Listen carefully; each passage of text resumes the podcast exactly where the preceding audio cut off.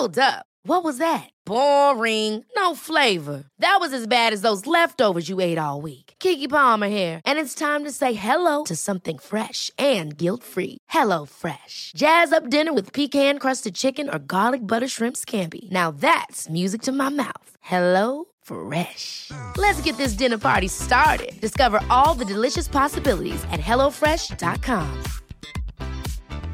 Quality sleep is essential. That's why the Sleep Number Smart Bed is designed for your ever evolving sleep needs. Need a bed that's firmer or softer on either side? Helps you sleep at a comfortable temperature? Sleep Number Smart Beds let you individualize your comfort so you sleep better together. JD Power ranks Sleep Number number 1 in customer satisfaction with mattresses purchased in-store. And now, save 50% on the Sleep Number limited edition Smart Bed for a limited time. For JD Power 2023 award information, visit jdpower.com/awards. Only at a Sleep Number store or sleepnumber.com. Cool fact a crocodile can't stick out its tongue. Also, you can get health insurance for a month or just under a year in some states. United Healthcare short term insurance plans, underwritten by Golden Rule Insurance Company, offer flexible, budget friendly coverage for you. Learn more at uh1.com.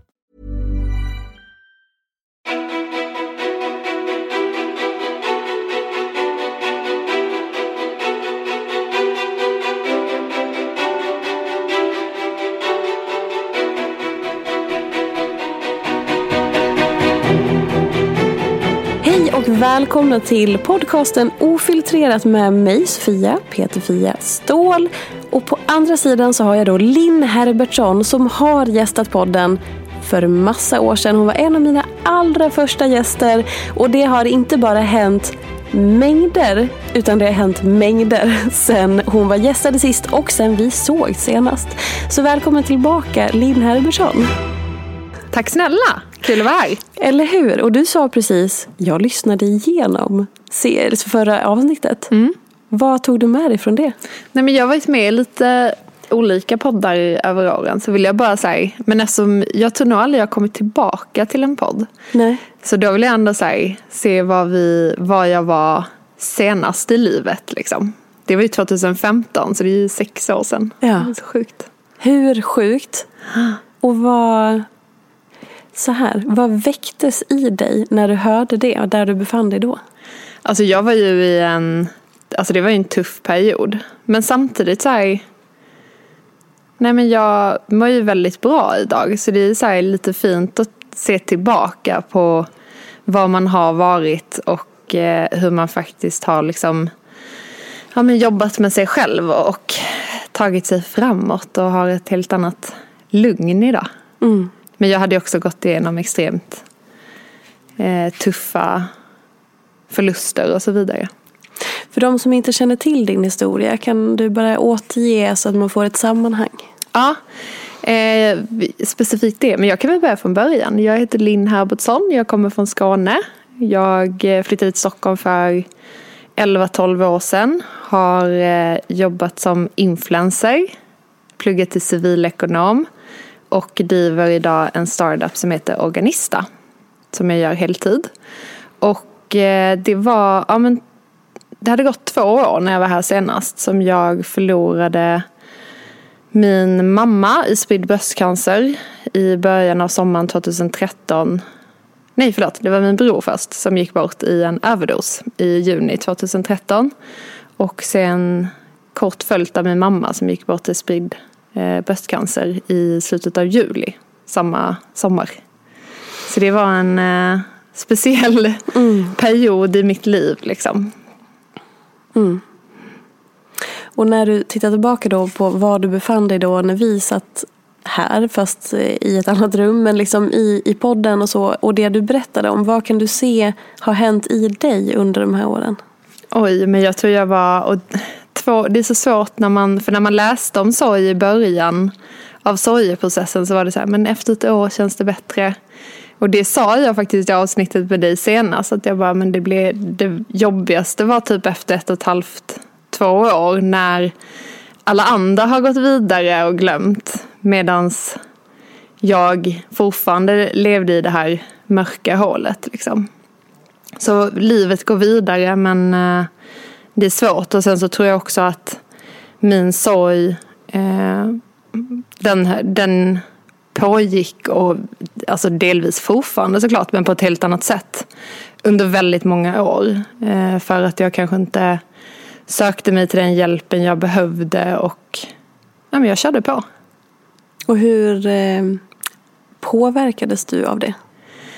Jag tror att jag är så här, superoptimist. Eh, jag gillar att ha mycket att göra. Jag är väldigt eh, nyfiken, gillar att lära mig nya grejer.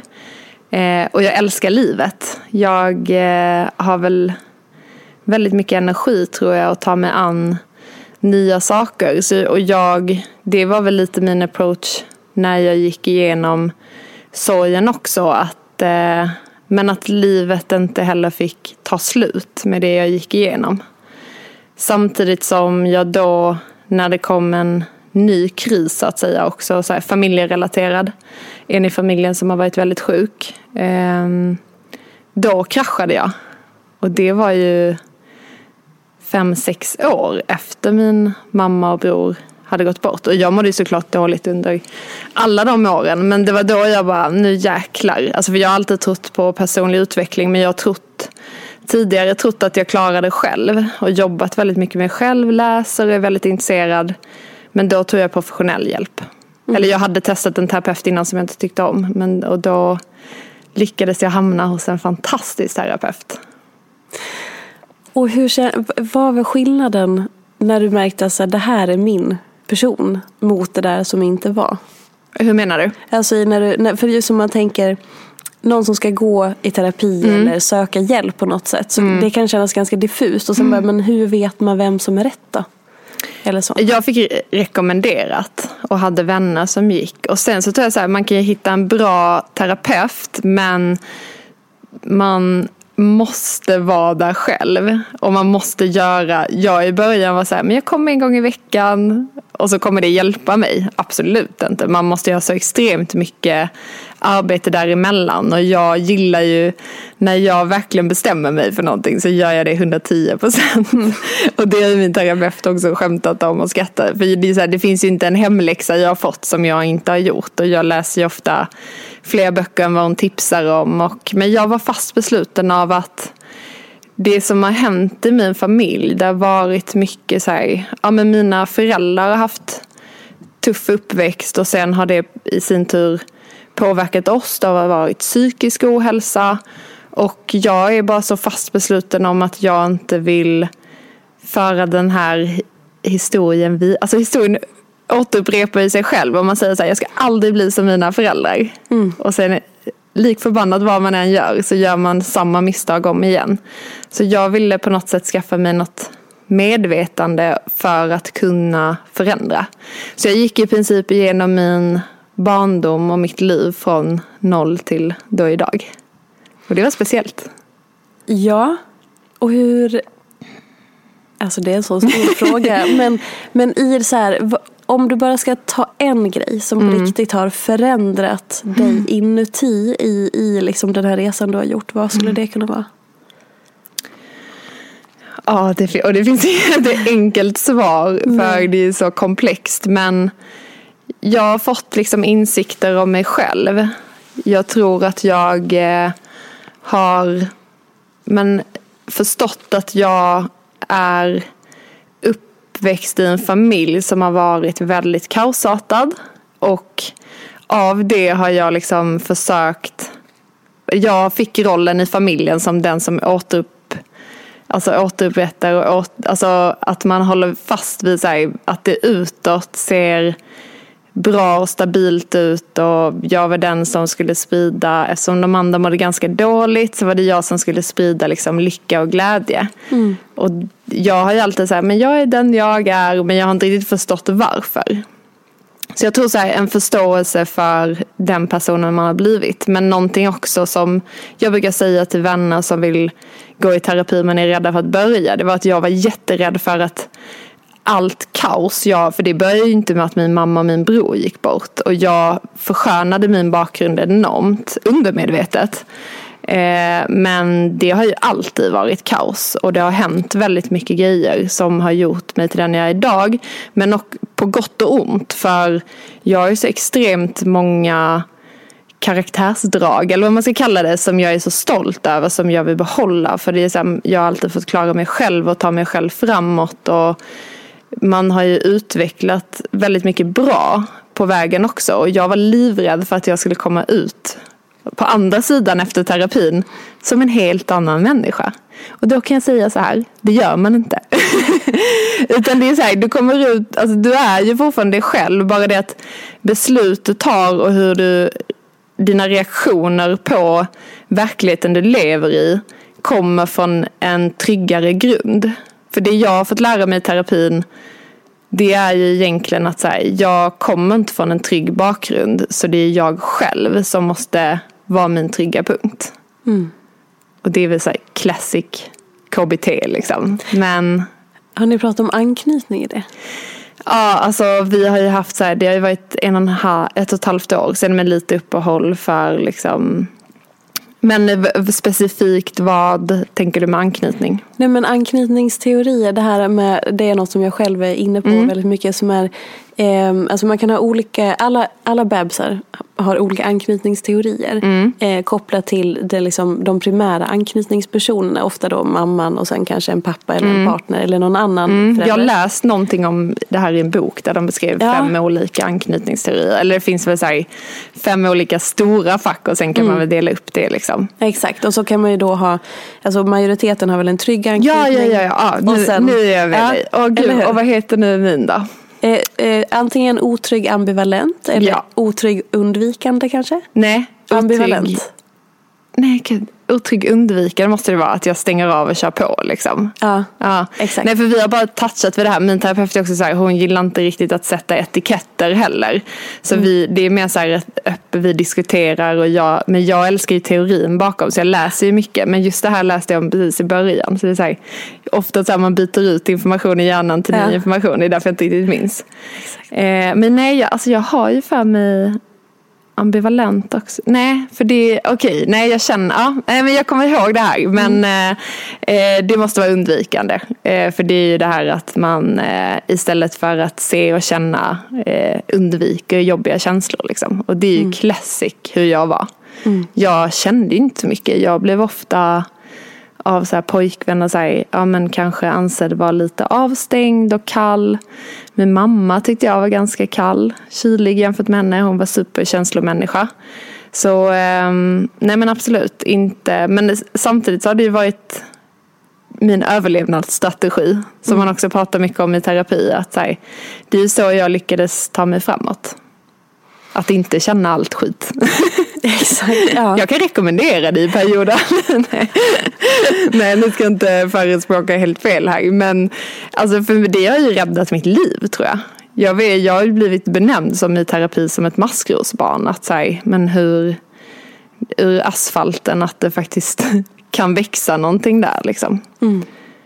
Så, eh, men det var en ögonöppnare att gå igenom så här, familj, det finns ju inga normala familjer. Nope. Men eh, min är väl med all sjukdomshistoria, alla, allting som har hänt extremt speciell liksom. Var det självklart för dig, alltså så här, jag tänker att när man är i olika svåra saker så krävs det ju väldigt mycket att kunna se andra perspektiv som till exempel, okej men här behöver jag hjälp eller okej nu ser jag mig själv utifrån, nu skaffar jag mig den här förståelsen.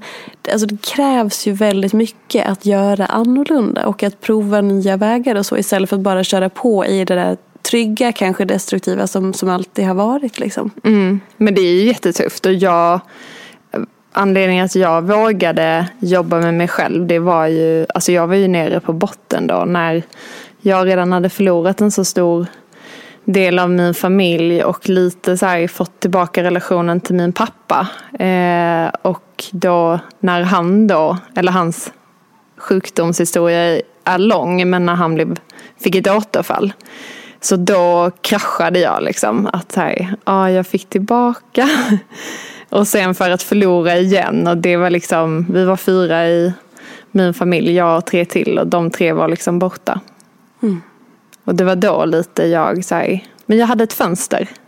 Jag tror många känner igen sig i det när man söker, när man söker sig till en terapeut eller behöver hjälp. Då man ska vara väldigt mottaglig och det är man i vissa, det, det är ju alltid lätt att tänka och nu har jag en helt annan approach. Jag tänker att jag kommer aldrig bli klar, jag vill fortsätta. Jag var lite såhär, men då går jag i terapi ett år, sen kommer jag vara färdig och perfekt. och så förstår man så här, nej men det här är ju en pågående process och den kommer ju, nu har vi precis vi, kommer, vi ska ha en så avslutande session och vi har inte träffats på flera månader nu. Eh, Men det är inte så här hej då ses alla igen utan snarare så här ha det fint tills nästa gång. Och sen så kan jag ändå se några år framför mig där jag inte kommer, för jag har fått så extremt mycket verktyg och förståelse så jag tror att ehm, ja, men förhoppningsvis så kommer jag klara mig med hjälp av dem under hyfsat lång tid. Men jag ser fram emot nästa gång man ska hugga tag i sig själv. Har du någon, om du så här, se in i framtiden, kan du gissa när du kommer känna behovet? Min terapeut brukar säga, ja men den dagen din hund kanske går bort. Ja. För det är ju min bebis liksom. Ja. Så det kommer ju vara sån, alltså det är som att förlorat, nej det är det inte. Men för i min värld som inte har några barn så känns det som att jag ska, det känns väldigt onaturligt att eh, hon inte ska leva längre än mig liksom. Men jag kan ju också tänka mig så här att när vi väl skaffar barn eh, och alltså efter småbarnsåren kan jag tänka mig att man kommer behöva så här, hamra och banka lite här och där. För att jag tror det kommer, alltså jag är jätteglad att jag gjort ett ordentligt jobb med min, alltså med min bakgrund och min barndom. Jag kommer ju absolut göra jättemycket misstag. Men jag kommer tack vare det kunna Ja, men för, alltså jag är medveten om att inte göra vissa misstag som mina föräldrar gjorde. Alltså den bästa definitionen på dem är att de var vuxna barn. Och de uppfostrade mig också som är ett vuxet barn. Liksom. Eh, så för mig är hela tiden nu att här, bli min egna vuxen. Sen finns det jättemycket bra med att vara ett vuxet barn. Man har en helt annan syn på världen och människor än vad vissa andra har. Men sen så är det också extremt vanligt. Det finns ju väldigt mycket vuxna barn som springer runt där ute. Oh ja. Nej men jag vet att vissa menar att det är så här över 50 procent. Som Är så här, ja, alltså att man är så traumatiserad och att man, man och det det handlar om det är att man agerar idag utifrån trauman s- som man har fått med sig under sin uppväxt. Liksom. Och det är ofta väldigt ogenomtänkta beslut man tar då. Känslobaserade. Ja, och det känns som, kollar man på världen och allt som händer i världen och allt det har gjort så tycker jag it makes sense. Ja men verkligen. Och att det är väldigt mycket som är i affekt. Ja, Eh, jag pratade med eh, i, ett, i ett av de senaste avsnitten med en person som heter Micke Gunnarsson som ni kan lyssna på också. Så pratade vi om det här med att alla springer, alltså, det är som att vi springer hela tiden. Och att då är vi alltid i försvarsläge, redo att försvara oss. Ja. Det finns inte det här Ja. ett, ett lugn, en trygghet. Utan alla ska försvara sig, agera i affekt och bara wow, kör. ja. Och det blir ju väldigt skört. Ja, verkligen. man känner igen när man Ja. tittar omkring sig. Nej men och det känns ju som att all, och alla har ju helt olika erfarenheter från livet men någonting som jag har känt kanske för det jag varit med om men också när jag gick i terapi att jag tröttnade på drama. Alltså så här att som du säger, så här, alla är den viktigaste personen i sina liv. Det är jättebra men det, det görs på ett väldigt egoistiskt sätt i många fall. Och det blir så här, många mår väldigt dåligt och det blir väldigt liksom dramatiskt. Och jag är så här, gud jag vill, alltså jag har varit med om så mycket och jag förstår att man inte kan kontrollera eller styra livet i en viss riktning. Men jag vill bara ha lite lugn och ro. Ja. Känner du att du har hittat den? Alltså jag kommer ju allt som, jag har ju inte den här illusionen längre av att man en dag är klar. Det, utmaningen är ju att inte tappa det arbetet man gör med sig själv. Och jag, mina största utmaningar har varit så här, ja men testa sig få in rutin med meditation och mindfulness. Sen har jag på något sätt mina egna mantran som jag går runt vid. Att man, jag läser mycket, jag, när jag har haft mina terapisessioner så det är ju saker som fastnar och sätt att tänka. För mig var det, handlade det väldigt mycket om att skriva ner så här, varje dag vad jag kände, vad jag gick igenom och så vidare, för att inte bara köra på och inte känna någonting och känna in. Mm. Och sen till slut så går, alltså jag går ju igenom min dag i huvudet och skriver ner den utan att behöva sätta penna till papper. Vilket har också så, så man har ju sina mantran och sätt att tänka och verktyg och så vidare. Men jag skulle säga att det är också livet jag lever tror jag, eller som jag har valt att leva av en anledning också såklart. Som gör att så här, äh, men jag behöver, jag har väldigt svårt för att ta det lugnt. Mm. Extremt svårt. För att? Alltså jag har alltid sett det som ett men det är ju en flykt, det har jag ju förstått liksom. Att här, man kör på och man hittar på nya grejer. Och det, något av den största utmaningen är ju att bara vara. Mm. Och se sitt egna värde utan prestationer. Och det är extremt svårt när man driver en startup. Eller mitt förra jobb också som influencer. Herregud, alltså det är ju bara man bara köttar på och man presterar. Men jag märker, nu har vi inte pratat så mycket om jobb, jag antar att vi kommer komma in på sådana grejer också. Ja. Men att gå från alltså influenceryrket till en startup och många som har varit där själva vet hur extremt hårt man jobbar inom båda yrkena. Mm. Men det är på ett annat sätt att driva ett bolag. Att inte driva ett bolag kring sig själv som person. Det här har du ju jättemycket erfarenhet av. Mm. Och på något sätt halkar jag in på ett bananskal på influenceryrket. Och så här, men jag var så, man var ju så ung och bara, men det här är ett kul liv och så här glassigt kan man ha det. Och det är en hobby, man, jobb, man liksom jobbar med sin hobby och så vidare. Men jag har aldrig heller varit så här, jag vill bli den största influencern. Utan jag har alltid så här, jag vill utbilda mig, jag vill gärna starta eget. Mm. Jag har ändå haft typ en viss bild av vad jag vill göra. Eh, och sen ja, men, tog det lite längre tid att komma dit tror jag på grund av allting jag var med om. Men att säga, jag la ner min blogg för ungefär ett år sedan efter typ 11 år. Alltså det är det bästa jag har gjort. Jag ångrar ingenting, inte en dag. Alltså du och jag hade inte suttit här idag om det Nej. inte vore för, för mitt yrke. Liksom. Alla jag känner och hela nätverket och allt fantastiskt som har kommit med det. Men miljön på nätet har också verkligen så här, bli, gått till det sämre i min mening. Och när man går i terapi och ska finna sin egna röst och sin egna trygga grund att stå på för mig var det omöjligt att behålla ett jobb där folk hela tiden tycker och tänker om vad jag ska tycka och tänka. Mm.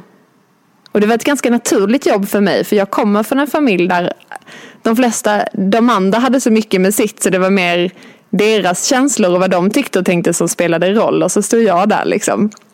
Så det var väldigt lätt för mig att ta den rollen där folk skulle tycka och tänka om mig och att jag skulle anpassa mig efter vad de tyckte och tänkte. Men eh, nej, jag känner mig fri. Men jag tror allt har, det handlar om timing och allting har sin tid. Och jag ångrar ingenting men det är det bästa beslutet jag har tagit. Jag bara får sånt lugn. så, så var det aldrig svårt när du började formulera det här beslutet. Nu ska jag lägga ner bloggen efter så här otroligt många år. Jo men jag tror det är mer sentimentalt. Att säga, åh vad mycket vi har varit med om. Det är som att göra slut med en kompis liksom. Men jag tror man ska göra slut med kompisar också. Ja, gud. Eller så här, relationen när det inte när det inte ger mer än vad det tar. Och mm. eh, också, jag kanske föredrog eh, blogg framför andra sociala medier och jag föredrog det när jag kände att jag kunde vara öppen och transparent med känslor. Sen så blev det till slut genom min sorg att det var så mycket att bearbeta, att då skriva öppet om, till slut slutade med det. Så jag blev stöpt in av min egen fria vilja i ett väldigt ytligt fack. Alltså det var mer uppdatera, men sprida så glädje. Men det blir också när man ser det utifrån eh, sätt som att jag väljer vad jag vill visa upp och ett perfekt liv. Vilket är så här, och jag är nog en av dem som verkligen säger jag har inte levt ett perfekt liv. Jag har liksom varit igenom ja, men det har varit så mycket grejer liksom. Men det blev lite så här att jag hade inte kraften. Jag tror min terapeut sa någon gång, men någon gång kanske du skriver en bok eller någonting. Jag bara, ja, man ska aldrig säga aldrig. Men det känns inte så nu. Jag har inget behov av det heller. Nej. Alltså jag har inget behov av det är en sån fantastisk känsla när man lägger ner allting som har med, alltså nu uppdaterar jag min Instagram om jag känner för det eller jag visar upp vad jag gör om jag känner, har lust till det liksom. Det är inget krav på det. Och mest av allt skulle jag säga att jag vill inte att folk ska veta, alltså jag gör ingenting konstigt eller speciellt så men jag njuter fortfarande av att säga Oh, jag, I början gick jag runt i flera veckor till min kille bara, den här bilden tog jag för mig själv. den här bilden tog jag till mig själv. Alltså det är så här, bara att inte behöva dokumentera si, sitt liv, varken i text eller bild. Alltså det är som frihet. Och sen är jag ju som, när man är grundare till en startup idag så för, på grund av trovärdighet och för att det är kul såklart så frontar man ju sitt bolag. Men det var, jag behövde detox från det alltså. Så det är ju först för ja, men ett, i våras som jag började tycka det var kul igen. Jag hade haft så här, några månaders paus från mina sociala medier. Mm. Då tyckte jag det var kul, men då var det så här, nu frontar jag mitt företag och en produkt. Det handlar inte om mig som person. Vilket är underbart. Gud, det är verkligen, alltså, den skillnaden, det kan man ju märka, jag som också har samma Eh, en del av mina arbetsuppgifter är precis det du beskriver. Att man Mm. uppdaterar och är ständigt liksom samlar material eller Mm. sådär. Inte material men, ja, men content eller vad man ska säga. Verkligen. Ehm, och det är ju en sån markant skillnad från att inte göra det till att helt plötsligt så, så gör man då i det. Det Mm. Ja. kan man ju märka på semestern eller sådär. Vad skulle du säga är det största som förvånar, vad förvånar dig mest? Med att sluta? Ja. Men att jag mår så bra av det. Mm. Men jag tror det, det var ju också en process med, och det, jag vet inte, jag kanske inte hade slutat om det inte vore för alltså min terapi och den här personliga utvecklingsresan jag gjorde. Men jag vet inte, det här det är ju både bekräftelse, hävdelsebehov och sen så kan man ju göra det av lust och nyfikenhet och kreativitet också. Men jag tror att många som jobbar med det här yrket känner igen sig i att ja, men man, man har vissa förväntningar på sig. Och jag tror det, men så är det med alla yrken, att det, det är en väldigt fin linje mellan att må bra av det man gör och inte. Sen var jag ju mästare på att stänga av så här, elaka kommentarer och sådana grejer. Men jag kände ändå att så här, läser du en elak kommentar, även om inte jag satt och var ledsen efteråt, så formar det ju en bild av mig själv undermedvetet som jag hela tiden, mitt problem genom livet har ofta varit att jag tar in alla människors så här, känslor och tankar och jag vill ofta se till allt och alla och se saker från olika perspektiv. Så jag är extremt anpassningsbar. Och det här var tiden i livet då jag behövde så här, fokusera på mig själv och vad vill jag, vad ska jag göra för att ta mig vidare. Och framför, för mig var det väldigt mycket kill your darlings, alltså så här, kapa projekt. Så idag, alltså jag skulle säga jag, gör, alltså jag har gjort något samarbete på Instagram om jag älskar ett brand, kanske känner de som har det. De hjälper mig med någonting och så hjälper jag tillbaka. För ge och ta liksom. Men an, jag jobbar ju 100% med min startup idag. Så jag har gått så här från, från influencer, alltså jag jobbade 100% med båda nästan. Och det är ju inte heller hållbart i längden. Och det är, så här, det är speciellt att driva en startup för jag gör ju, nu håller jag precis på att anställa. Eh, vilket ska bli så jäkla kul för jag gör allt. Så det, jag utvecklar inte heller riktigt någon spetskompetens inom någonting. Jag är ganska bra på allt som har med att driva en e-handel idag. Men att så här, grotta ner sig. Men det kände jag ändå för mig är det här ett stort steg i rätt riktning. För innan så uppdaterade jag en blogg en gång om dagen. Så jag satt, alltså jag jobbade ju åtta timmar på dagen och kanske fem timmar på kvällen minst. Och sen så jobbar jag ju alltid helg liksom.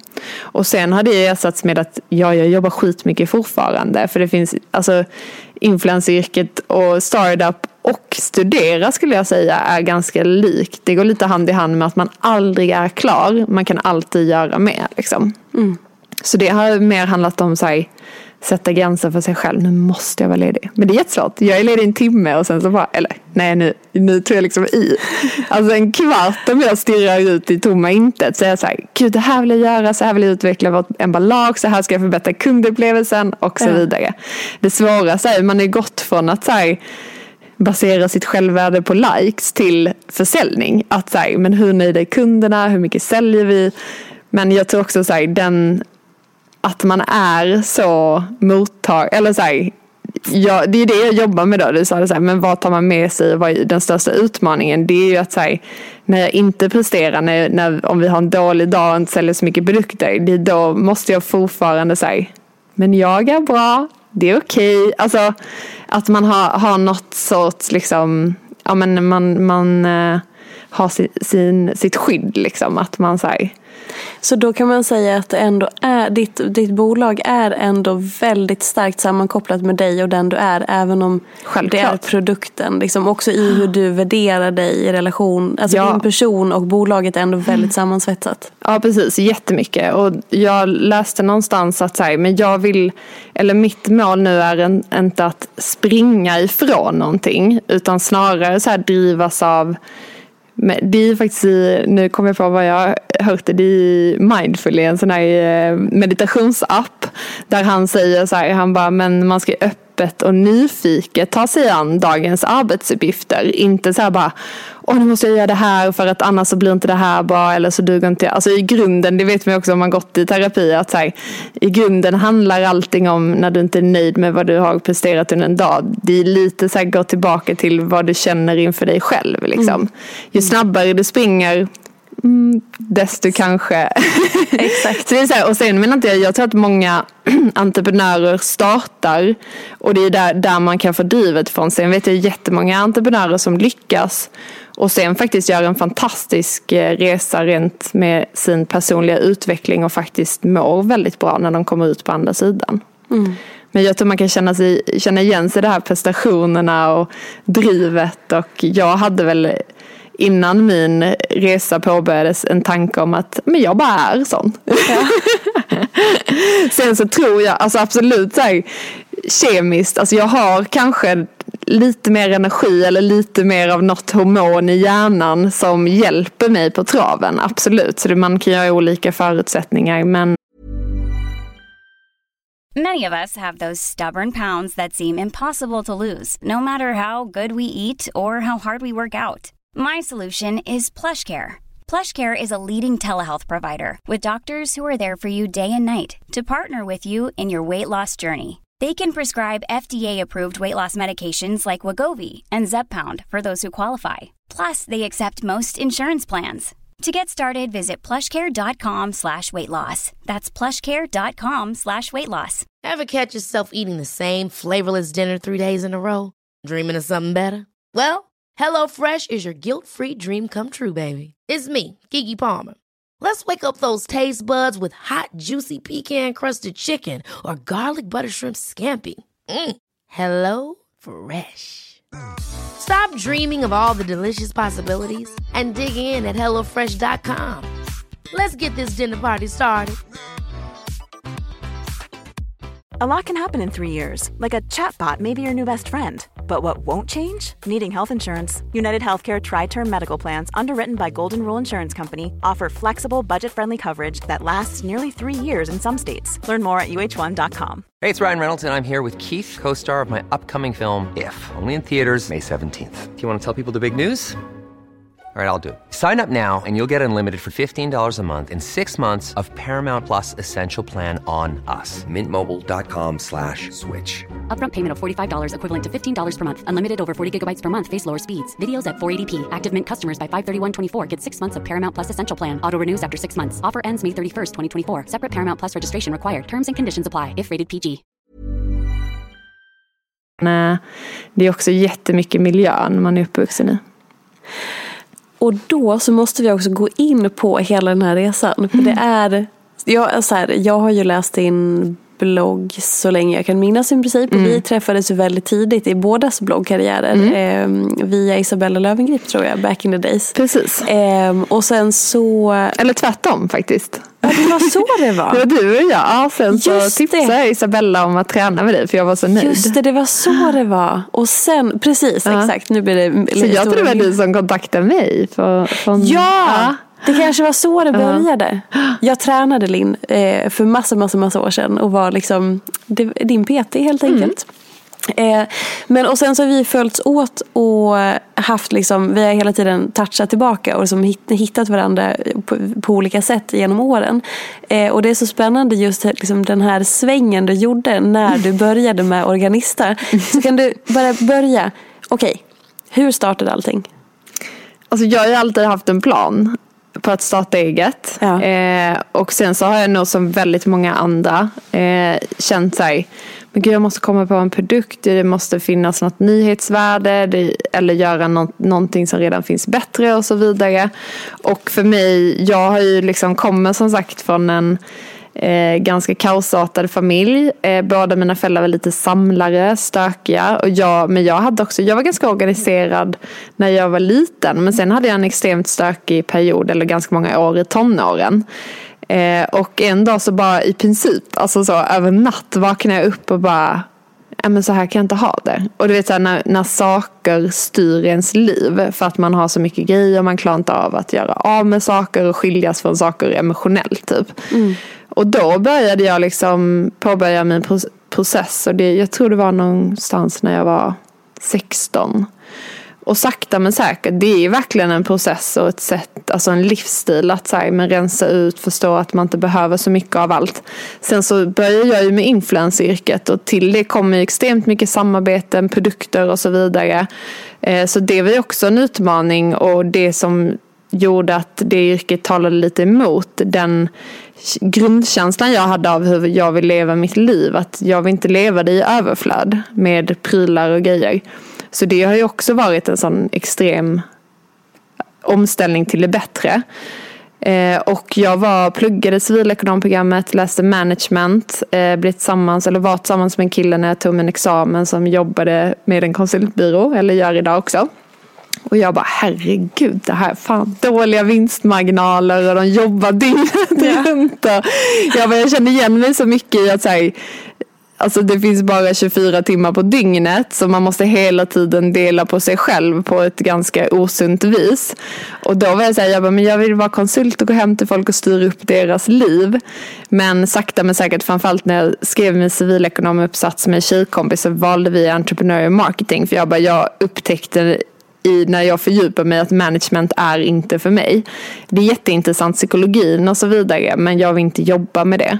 Och då följde vi svenska startups som Happy Socks också, alltså så här, superduktiga entreprenörer och då förstår jag så här, men gud man måste hitta en nisch och man måste paketera det och göra det bättre än någon annan. Gärna med en ganska ny och unik produkt. Och sen så tog det tid men sen en dag så bara jag har ju under lång tid samlat på typ så här, necessärer, gamla skopåsar, plastpåsar till tvätt. Alltså jag började organisera min resväska för att jag var så trött på att alltid resa med en stökig resväska. Och så var jag säga, om jag ska gå så här långt och ha liksom en hel samling med produkter för att organisera min resväska. Och när jag har gjort det och lagt den tiden på det så är jag ändå inte riktigt nöjd. För det mm. ser liksom inte riktigt schysst ut. Så jag bara undrar om fler tänker så här och det hade jag ju ingen aning om. Ja. Men då var jag så här, jag bara det här är drivet ur och jag var nästan lite så här, jag ville inte skriva om det för mycket i bloggen för jag ville inte heller bli för påverkad om någon annan bara men det här är ingen bra idé. För så är det med starta företaget folk är ofta med en i när, man, när det går bra och sen när det, man har motgångar så är de säger ja men, nej, men jag kände det på mig. Typ. Mm. Det är lite såhär vända kappan efter vinden liksom. Så jag var ganska sparsam med att dela med mig av det och utgick mer ifrån vad jag vill ha liksom.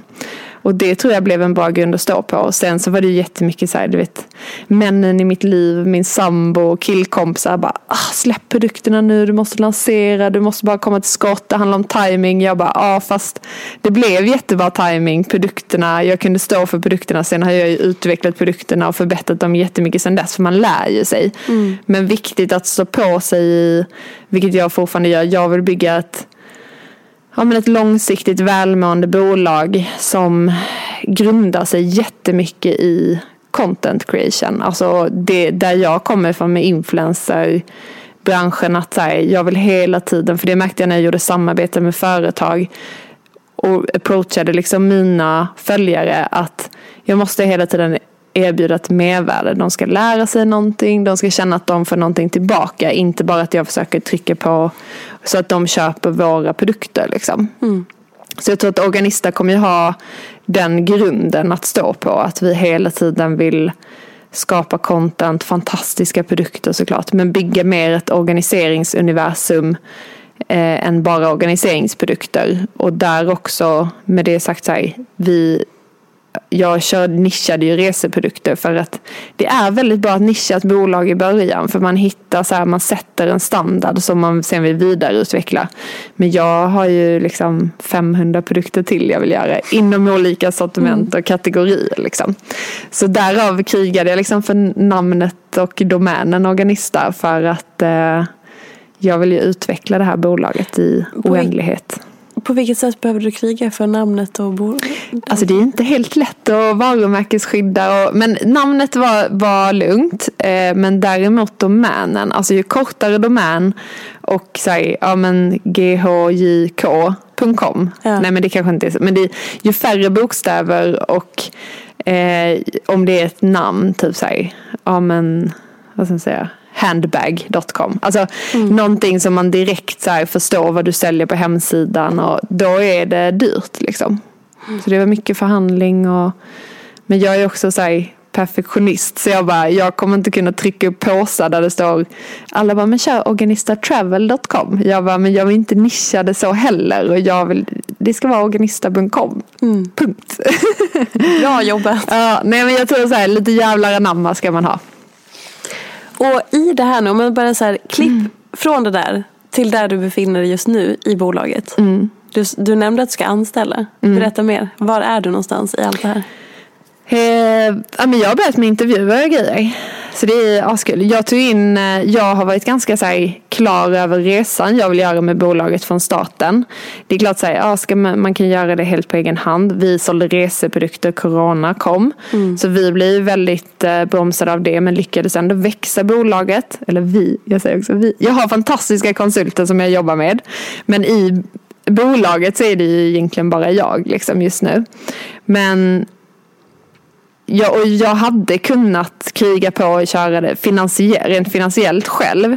Men jag vill ju ha in så här, men lite sparringpartner, någon med erfarenhet och framförallt att jag har lärt mig hur man startar en e-handel, allt det praktiska kring det, hur man bygger ett brand, eh, hur man paketerar ett brand. Men jag har aldrig skalat ett bolag.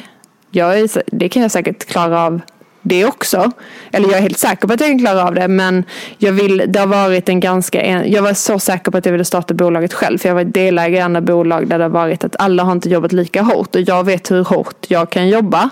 Så för mig var det viktigt att äga 100% från början själv.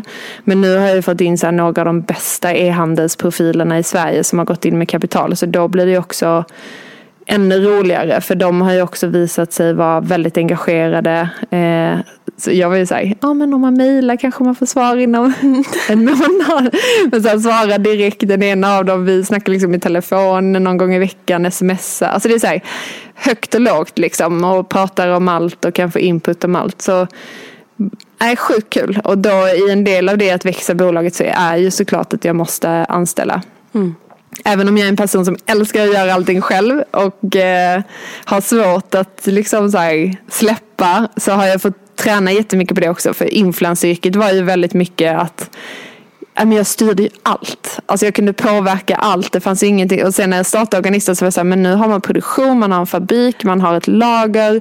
Du har annonskonsulter, du har fotografer. Det är så mycket, framför allt produktion skulle jag säga. Men också tekniska delarna, herregud. Alltså det är så mycket grejer som går åt helvete hela tiden. Som du inte kan, alltså det är så här, första första liksom krisen så mådde jag skit, alltså psykiskt. Och sen bara, men herregud, det här. Och så insåg jag så här, sådana här kriser kommer komma hela tiden. Så nu är det så här, alltså det nästan kan trigga mig lite. Att så här, okej nu gick det här åt helvete, men nu jäklar ska jag liksom. Vad har den värsta krisen varit hittills?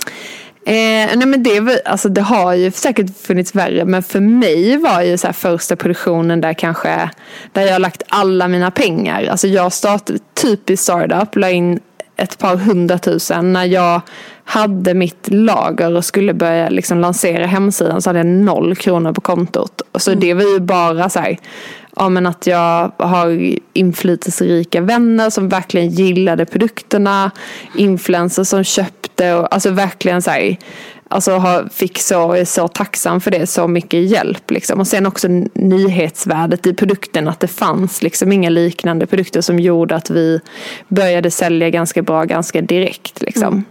Men eh, så för mig var det den största krisen när då alltså jag säga 30-40% av den produktionen, jag tyckte inte den höll måttet. Och det var ingenting fel på fabriken, det var bara att vi lärde oss. Och idag är det samma fabrik och de gör fantastiska produkter för de har lärt sig vilken standard jag vill ha. Och Fast se, det har ju varit, corona är nog den största krisen. Men då var jag, alltså då var jag så inne i det här tänket att bara men det finns inga problem, det finns bara lösningar. Det är faktiskt min pappas motto som är ja. så här, Alltså jag tar med mig det så mycket och jag blev ju rådd till att så här, lägg in, för jag skulle lägga min största beställning dittills på alltså bygga lager.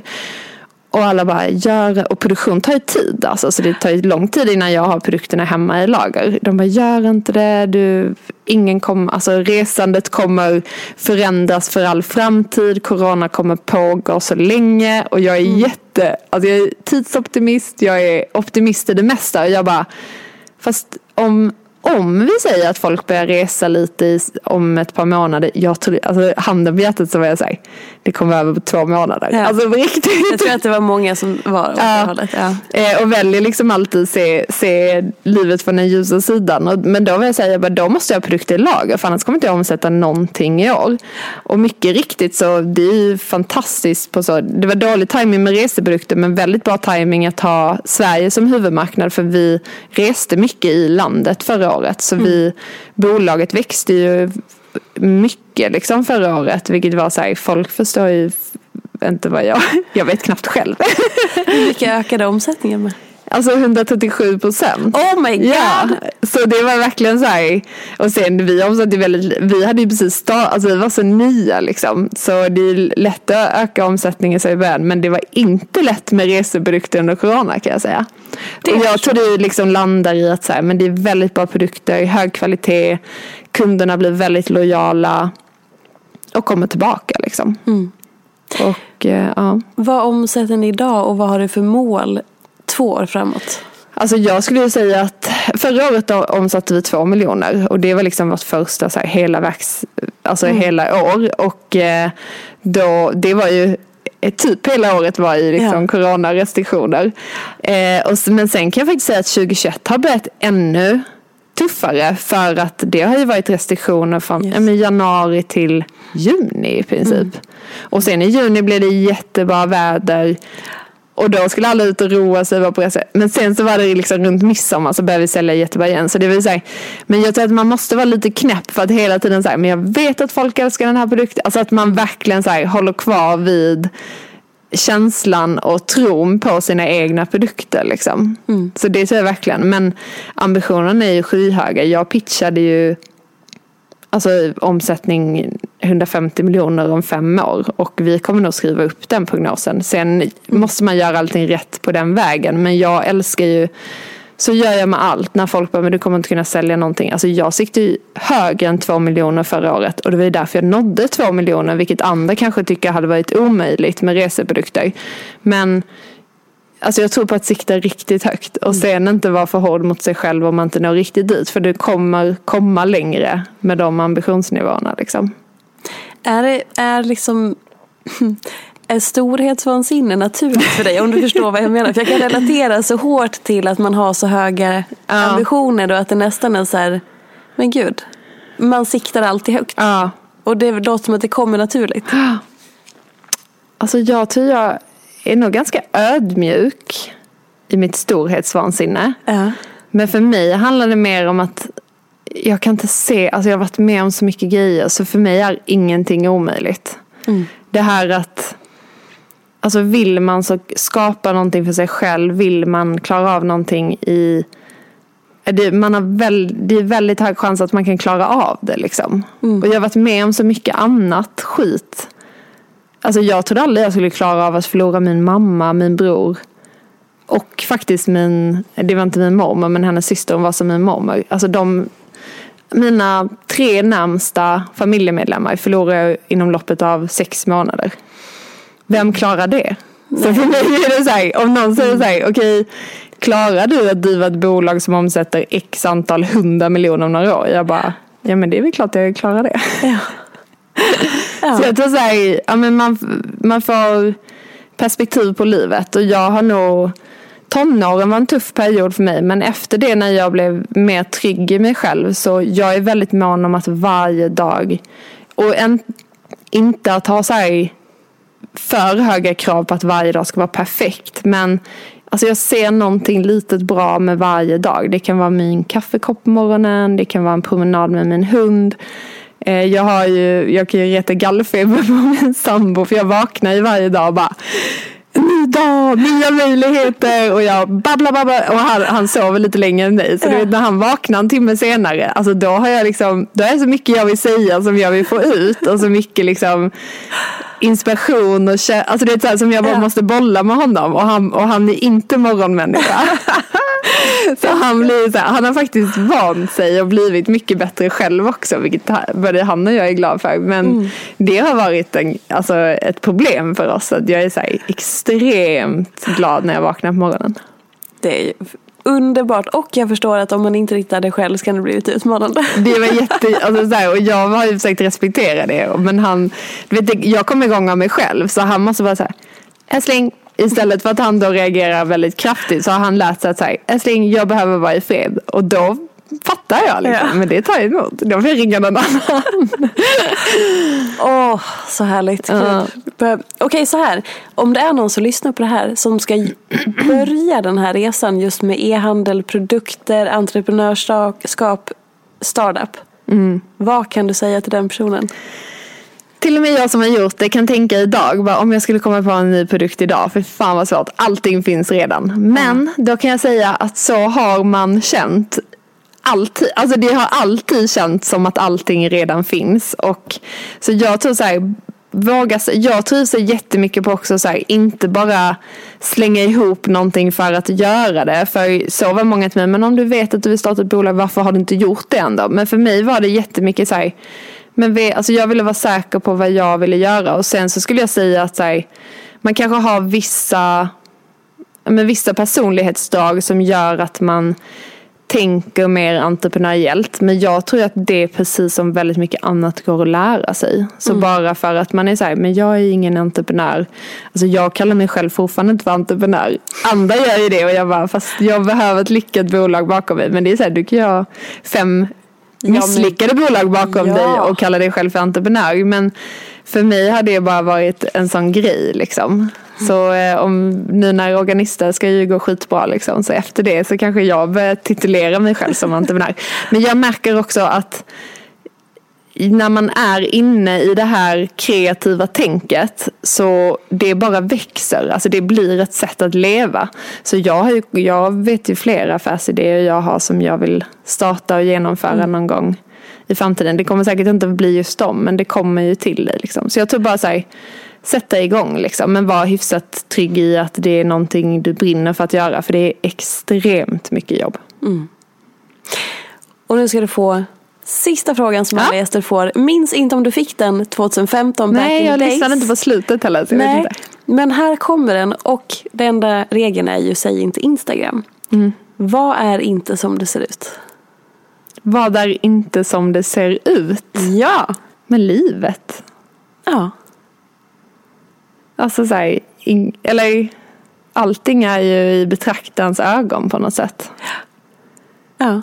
Men vad svårt, vad har andra svarat? Jag blir så ja, men nyfiken. Ungefär det. Så här, uh. Livet, relationer, eh, semestrar, människor, uh. eh, sociala människor medier såklart. Uh. Eh, en apelsin, som var någon som sa. Eh, ja, men, alltså, i, I princip så här, ja, men, ingenting är Nej. som det ser ut. Och att det Anledningen till att jag återkommer till den frågan i varje avsnitt är just för den här alltså påminnelsen i okej, men vänta nu, som du säger, allt det vi ser och påverkas av, att så här, det, det landar i oss själva och mm. att man, som du säger, betraktar ens ögon och att mycket är inte som det ser ut. Och det är en Nej. ganska nyttig och skön, befriande påminnelse tänker jag. Och livet blir aldrig som man har tänkt. Eller jag Exakt. kan ju inte liksom, alltså, jag lär mig nya saker varje dag. Alltså, Ja. Om hur livet inte är som jag trodde att det skulle vara. Eller hur? Men till det bättre. Ja, exakt. Det var det jag tänkte. Måste det vara sämre för det? Ja, nej. Till det bättre skulle jag säga. Ja. Och handlar inte det också om att släppa kontroll? För när man försöker kontrollera livet så blir det jävligt svårt och motigt och liksom Det Inte- säger du till ett control freak. Ja, men jag vet. Men det som är roligt är att jag, upp, jag vet, eller jag ska inte säga att jag vet, men det har jag väl ändå uppfattat att du upp, uttrycker att du har kontrollbehov eller så, eller du vill göra allting själv och sådär. Men jag får ju också alltid intrycket när jag träffar dig att det finns ju ändå en grundtillit som du har jobbat upp, vilket gör att Alltså jag tror inte att det ena utesluter det andra för dig. Absolut inte. Och jag skulle mer säga för det som kan se ut som kontroll för andra. För mig handlar det mer om sökandet av harmoni i alla olika delar i livet. Att säga, jag vet och f- försöker acceptera och jobba mycket med att jag kommer inte kunna kontrollera saker som jag inte kan förutse. För det går inte att förutse livet och ännu mindre kan jag tänka mig när man skaffar barn. Åh herregud. Oh, ja. Men Nej men för mig så handlar det mer om så här, men komma från kaos, har varit med om mycket. Jag vill bara leva ett enkelt avskalat liv i harmoni. Om det nu finns. Ah. Men det är i alla fall det jag strävar efter. Och i det kommer konstant jobb med personlig utveckling. Eller konstant, man ska tillåta sig själv ta pauser från det också, precis som allt annat. Men att åtminstone ha det genom hela livet. Jag vill ju utvecklas tills jag inte finns mer, eller säga, men tills slutet. Och den harmonin söker du då i dig själv snarare än det som sker runt omkring? Alltså Eller? både och. Ja. För jag skulle säga att jag sökte mer runt omkring innan och har blivit mer medveten om att det måste komma inifrån. För det ultimata för mig hade varit om jag kan befinna mig i total kaos och ändå känna harmoni. Fast vem kan det egentligen? För ibland har jag varit ställt de kraven på mig själv att jag vill komma ut på andra sidan av min terapi och bara så här, stå stadigt genom alla kriser. Vad som än kommer, kommer liksom slängs på mig ska jag klara av. Men det är också helt sjukt att tänka att man ska, för vi är bara människor. Ja. Så jag kommer inte stå pall för vad som helst. Så någon sorts acceptans liksom. Åh, vad skönt att höra. Alltså jag bara så här, ja, gud, ja, eller hur? Och jag tror såhär, människor borde gå i mer terapi. Eller hur? Det är ofta det vi återkommer till i den här podden. Ja. Man så här, ja, att rikta blicken inåt. Ja. Och det är det som alla ni som sitter här som gäster är så fantastiskt öppna och liksom generösa med. Att dela med er och prata om det så att man liksom hittar någonting i, i sig själv tror jag. Den som lyssnar. Det, jag hoppas det i alla fall. Och um, fasen vilket fint samtal. Jag känner mig så glad. är det någonting du vill tillägga innan vi avslutar? Nej, jag tycker också det har varit mysigt här och- att vara här och snacka om livet. Och vi får göra det snart igen. Eller hur? Inte att det går sex Nej det får år. inte gå sex år. Nej. För det är, så här, det är också mitt liv då och nu. Alltså det är så här, jag visste ingen, alltså det, är så här, det har hänt så extremt mycket så vi hade behövt tre timmar. Liksom. Eller hur? Det, det får vara om två år tycker jag. Eller hur? Och så tar vi en lunch där Ja, exakt. Okej, och nu då. Man kan följa Linn Herbertsson på Instagram. Ja men följ organister, det är Exakt, var det jag skulle säga. Så att vi ska rikta in oss. Har ni nu inte undersökt Organistas produkter så gå in och gör det. Organista.com Ja, och på Instagram. ja. Och mig når man nog bäst på LinkedIn tror jag. Underbart. Då är det där vi ses helt enkelt. Tusen tack för att du kom hit och puss och kram på er alla. Vi hörs igen nästa vecka. Hej då! Följ mig gärna i sociala medier. Jag finns på Instagram som peterfia och bloggar på peterfia.se. Jag blir så glad om du vill recensera den här podden, prenumerera och lämna gärna önskemål på gäster. Vi ses i sociala medier. Ha det gott så länge. Hej då! En podd från Allermedia.